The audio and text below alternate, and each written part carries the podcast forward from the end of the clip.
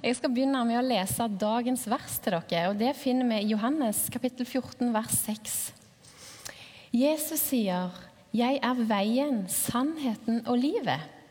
Ingen kommer til Faderen uten ved meg.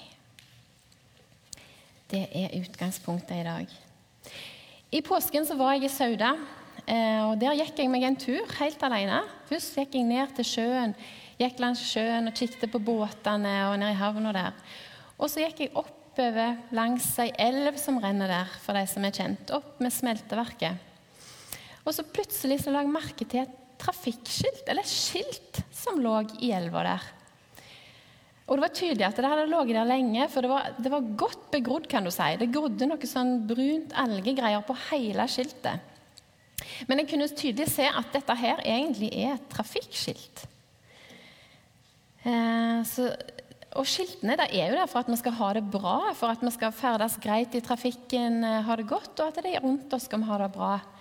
Så tenkte jeg det er veldig rart eh, at det har ligget her så lenge.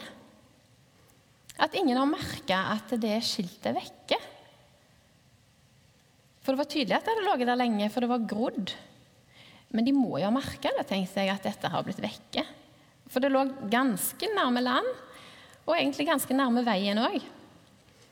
Det er rart at ikke noen har lett etter det. Men kanskje de hadde lett etter det og ikke funnet det. Men jeg syns samtidig det var litt rart. For jeg skulle ikke egentlig lete så veldig lenge for å se dette her skiltet. Og Det fikk meg til å tenke på Bibelen og Guds ord og Guds veiledning. Vi har jo Jesus som sier at 'jeg er veien, sannheten og livet'. Han viser oss, altså I Bibelen så vises det hvem Gud er, og hvem Jesus er. Og vi har Den hellige ånd som veileder oss. Og så er det sånn at ja, altså Har dere opplevd å være på en kjøretur, og så bare plutselig så bare Oi, er vi kommet så langt? Jeg har ikke merka at vi liksom bare passerte, og nå er vi kommet helt dertil. Det kan være typisk veien fra hjemme til jobb eller til noen i familien som du kjenner veldig godt. Altså, det, ting bare passerer, og så merker vi det ikke. Og sånn tror jeg det er litt med troslivet òg. Plutselig så har liksom bare livet tatt oss med på ei reise, og så ligger Gud igjen der bak. Eh, I grøfta eller i elva. Kanskje begynte han i førersetet, og så ble han henvist til passasjersetet. Så havnet han i baksetet, og så i en sving uh, der blåste han ut vinduet, gitt. Og jeg tror det er veldig lett å bare fare av sted uten å forsikre seg om at Gud er med. Eller på en annen måte altså å, å spørre Gud om hvor er det egentlig vi skal. Hvor er det vi skal når vi legger ut på denne her turen? Kanskje har du oversett noen sånne små håndbevegelser om høyre og venstre. Altså små hint. Er det forkjørsvei? Hva fartsgrense er det her? Er det et flettefelt? Eller kommer du til et skilt med 'barn leker', der du bare skal ta det litt sakte? Eller kommer du til det verste jeg vet? Dere vet sånne trafikklys. Rødt, gult og grønt. De fargene der. Så kommer du på gult. Åh. Hvor lenge skal jeg stå her på gult? Hallo? Hvor lenge skal jeg vente, og hvorfor venter jeg her? Hva skal jeg gjøre på mens jeg venter? Altså, Jeg har ingenting mot gult lys i trafikken, men når Gud sier gult lys til meg, da blir jeg så åh. Da blir jeg helt uh, Nesten litt motløs. Jeg syns det er pyton. Og jeg venner meg egentlig aldri helt til det. Men mitt beste tips på gult lys, det er egentlig Les deg opp på noe. Snakk med noen kristne. Lytt og be til Gud. For Gud har av og til så veldig, veldig god tid. Og i mellomtida, mens vi står og venter på gult, så tror jeg at han jobber. Vi tror det er stillstand, men jeg tror at Gud jobber. Og jeg tror Gud jobber på innsida. Jeg tror han jobber med å bygge karakter. For en dag skal det bli grønt. Hvis ikke han sier stopp og det er rødt, så blir det grønt. Og da må vi bruke tida godt. Og jeg vil gi dere en utfordring, for vi har jo hørt litt om å høre Guds stemme og høre Gud tale, og vi har snakket om det i det siste. Be Gud i løpet av dagen, hvis han ikke sier det til deg med en gang, men å vise deg det trafikkskiltet som taler inn i ditt liv akkurat nå. Hva er det han vil si? Skal du skifte tempo? Skal du skifte retning? Får du skiltet for rasteplass? Eller parkering? Eller skal du bare observere, kjøre rolig, barn leke i veien? Eller skal du stanse og snu? Er det en planovergang? Jeg tenker Det kan være en grei og helt ufarlig lytteøvelse. Prøv det på ditt eget liv og be Gud tale til deg og vise deg et skilt i livet ditt. En liten uke før jeg fikk spørsmål om å tale her, en liten uke før, så hadde jeg litt stilletid med Gud. Og Da så jeg for meg et kors. Og Normalt sett når jeg ser for meg et kors, er det helt sånn standardopplegg. Det står sånn, loddrett, helt greit. Ingenting med det. Men så hefta jeg med, med Det står jo ikke. Jeg så at det lå. Og så aner jeg at det ligger under vann.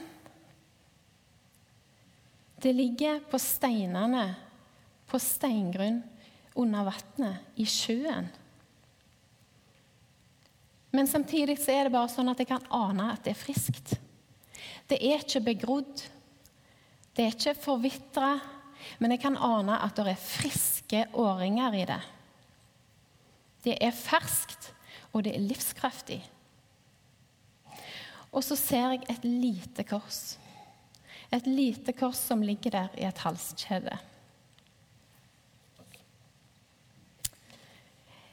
Det ligger òg under vann.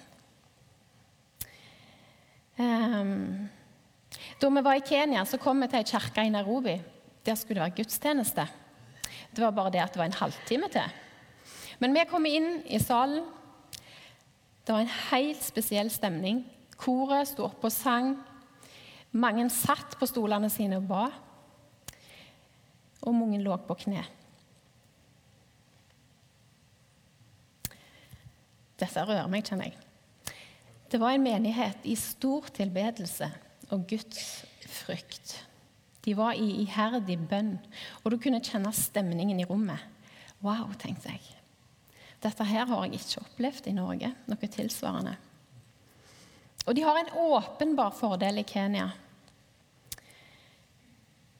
De lever fra hånd til munn. Og hvordan kan jeg si det er en fordel? Jo, altså, de lever sånn at eh, de vet ikke nødvendigvis hvordan dagen blir i morgen, og heller ikke resten av dagen. Og dagens strev består av å få seg tak i noenlunde rent vann og litt å ete. Og når vi spurte de om liksom, planene deres og framtida, så enten så sa de at det hadde de ingen tanker om, eller så sa de hva tanker de hadde, så sa de men om Gud vil. Det blir sånn om Gud vil. Og jeg tror den rikdommen som vi lever i, den bare drar oss vekk fra det hellige. Og Jesus sier i Matteus 19,24 at det er lettere for en kamel å gå gjennom et nåløye enn for en rik å komme inn i Guds rike. Vi er opptatt av hvordan vi skal få mer, ikke i betydningen av nok, men hvordan vi kan få økt vår overflod. Vi er så sikre på vår egen evne, hva vi kan og hva vi skal klare, at vi trenger ikke å leve i bønn på kne hver eneste dag. Men tilbake til det lille korset. Jeg måtte låne korset til dattera mi, Emilie, eh, for å gjenskape det bildet som dere ser på veggen. Jeg gikk rett og slett ned til sjøen og la korset der og tok bildet. Og jeg tenker sånn Her er korset. Jeg må ta mitt kors. Og jeg må ta det på meg. Og jeg må bære det. Og jeg må bære det nært til hjertet. Sånn som det står om i Bibelen i ordspråkene 3.3. Gi aldri slipp på godhet og troskap. Bind dem om halsen og skriv dem på hjertets tavle. Og jeg synes det der 'bind dem om halsen' jeg synes det er så fint sagt. For jeg tror vi skal ha det her, for vi skal ha det nært til hjertet, som ikke glemmer Herrens veier. Og jeg tror det viser oss hvor viktig det er. Hold fast på det gode, og hold fast på sannheten, som er Gud. Det er han som er veien til frelsen.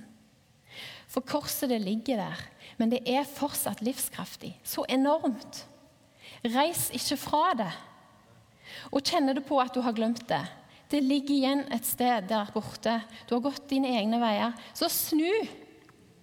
For det er ikke for seint. For korset er fortsatt livskraftig. Livet har sesonger, og jeg tror troslivet så absolutt har sesonger. Noen ganger så går vi oppover, og det er tungt og trått. Og noen ganger så springer vi nedover med lette skritt. Det er ingenting som er så bra som å være på joggetur i nedoverbakke. for å si det sånn. Tungt er det iallfall oppover. Det liker jeg ikke. og noen ganger så går vi bare inn i skodda, i tåkelandskap. Og det er så vondt å orientere seg. Og noen ganger så er vi på åpne sletter. Og noen ganger så finner vi en rytme. Denne rytmen er god å gå i. Her kan vi gå lenge. sant? Kjenne til det. Og jeg tror det er veldig fort gjort at vi setter oss inn i gamle vaner. For vi trives der. Det er behagelig og fint og greit. Men det står i Jesaja 43, 19. Se, jeg gjør noe nytt. Nå spirer det fram. Merker dere det ikke? Merker dere det ikke? Det spørsmålet tror jeg ikke står der uten grunn. De var helt garantert like tunghørte før i tida som vi er nå. Og jeg tror det spørsmålet står der i forundring. Merker dere det virkelig ikke? For jeg tror at vi ofte overser de små spirene. Vi sår og vi sår, og vi går i det vante, og så kommer det små, små spirer. Og når vi legger merke til at vi kommer inn i noe nytt, enten i vårt eget liv eller i menighetslivet, så tror jeg vi har helt ulike spontane måter å reagere på. Og jeg har forstått Innenfor psykologien så forsker de på dette ved endringer på arbeidsplassene, hvordan folk bare har en sånn spontan reaksjon til det. Noen er alltid klar yes, og bare venter på forandring. De er bare i farten. Og noen liker det bare ikke. Hva er din strategi? Stritter du imot? Du syns det er helt pyton med en endring i seg sjøl bare fordi det er det? Nøler du, eller forbereder du deg? Eller er du den som er godt forberedt? Du har stått og speida så lenge, og nå bare ser du det komme. Hvordan skal vi som kristne håndtere sånne overganger eller forandringer og endring når Gud skaper noe nytt?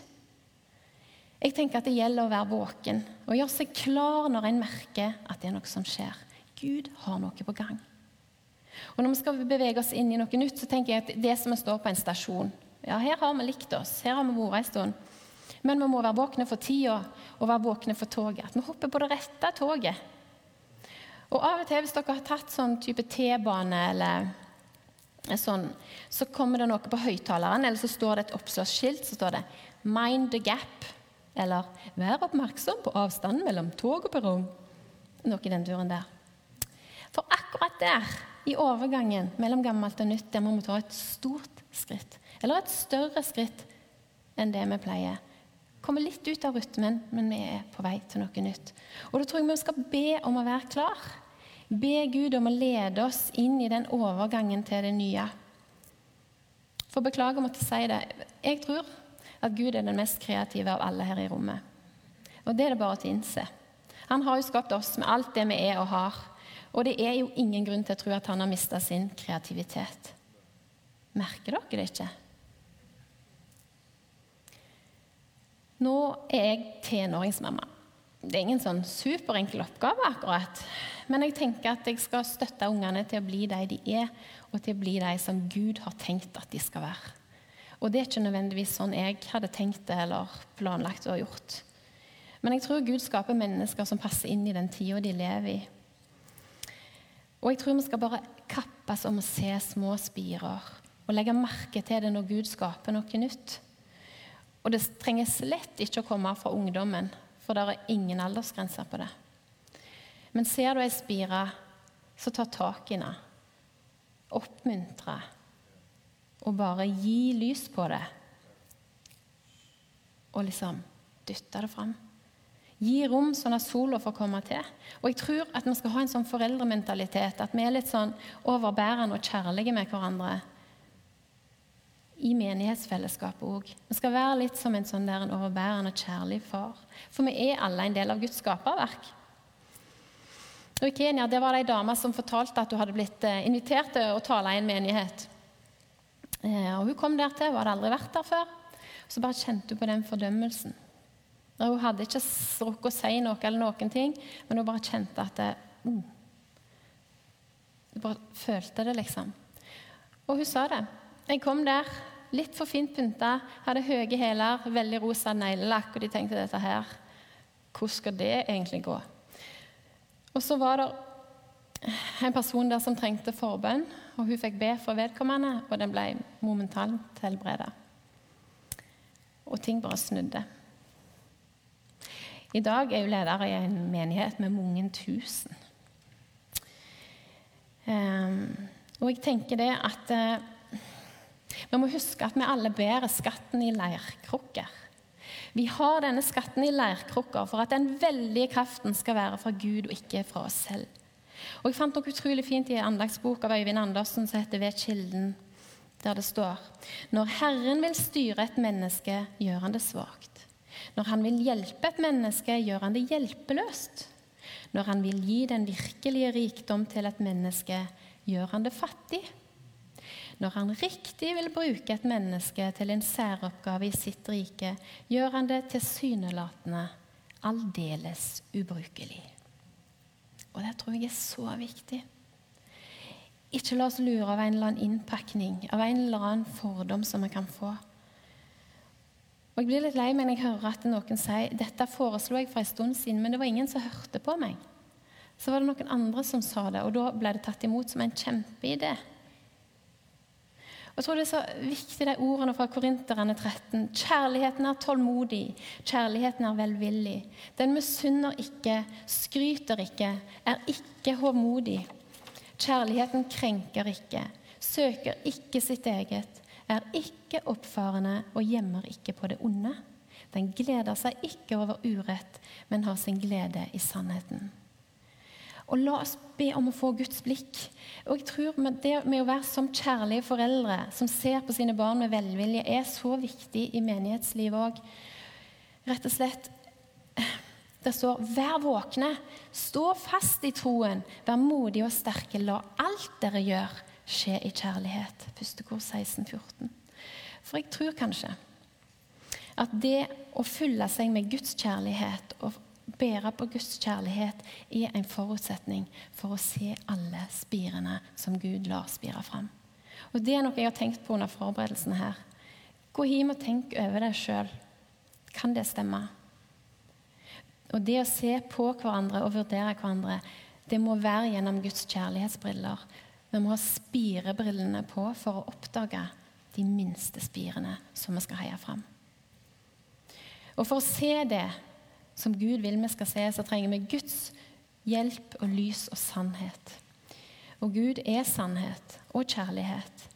Det står i Salme 43, 43,3.: Send ditt lys og din sannhet. La dem lede meg og føre meg til ditt hellige fjell, til dine boliger. Det er fantastisk. Vi trenger Guds lys og sannhet når vi går inn i nye ting som enkeltmennesker og som menighet. Når Gud lar noe nytt spire fram, når han vil vekst, da må vi være våkne.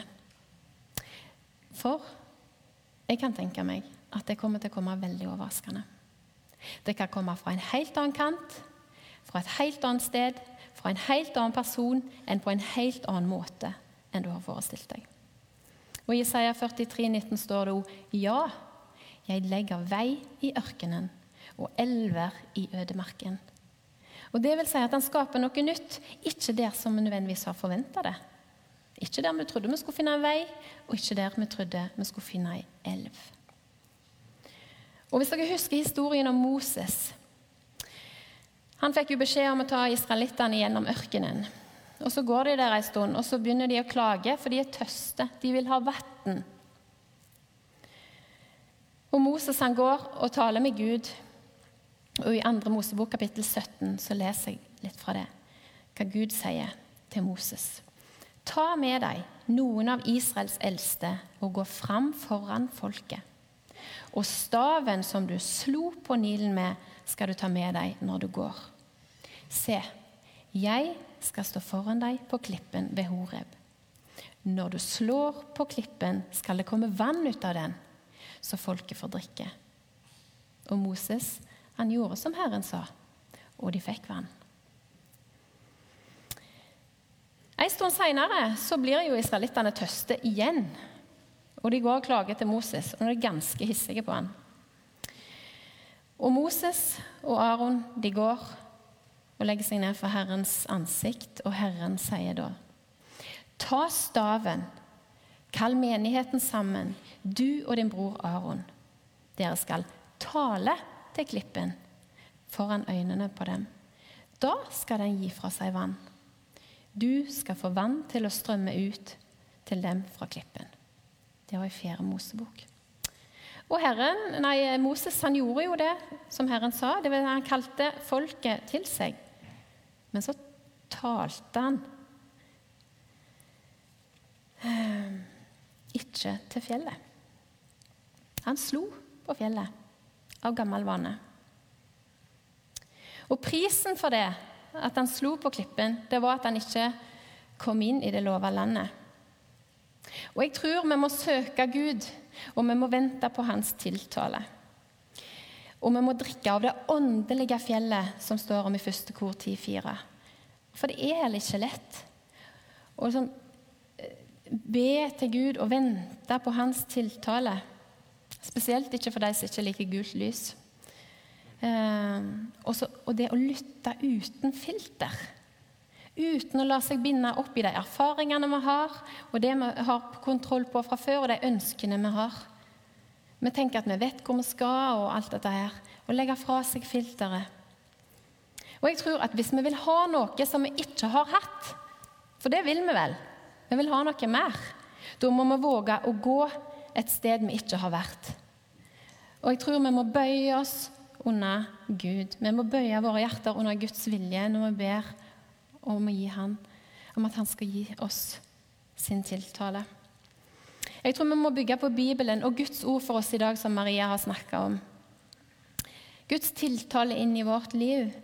Og vi må tørre å gjøre noe som vi ikke har gjort før. Selv om det er en enkel ting. For av og til så tror jeg hvis han ber om oss noe så hverdagslikt og lite, så er det nesten for lite for oss. For jeg tror ikke vi skal bygge museum over det som har vært, verken i vårt eget liv eller i menighetslivet. Vi må speide etter det som vi skal få. Vi må være åpne for å gå nye veier. Og åpen for å ta i dørhåndtak og prøve å gå inn i en ny dør. Jeg hørte en som sa at gårsdagens velsignelse kan bli morgendagens forbannelse. Ganske sterkt sagt. Men hvis det fører til at vi slutter å gå hver dag etter Skaperen, så tror jeg det kan bli resultatet.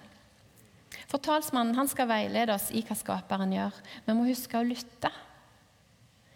Og da er det ikke verktøyene som er avgjørende for resultatet eller miraklene. Altså Det er ikke vår fortreffelighet, men det er Guds ord og vår respons på dem.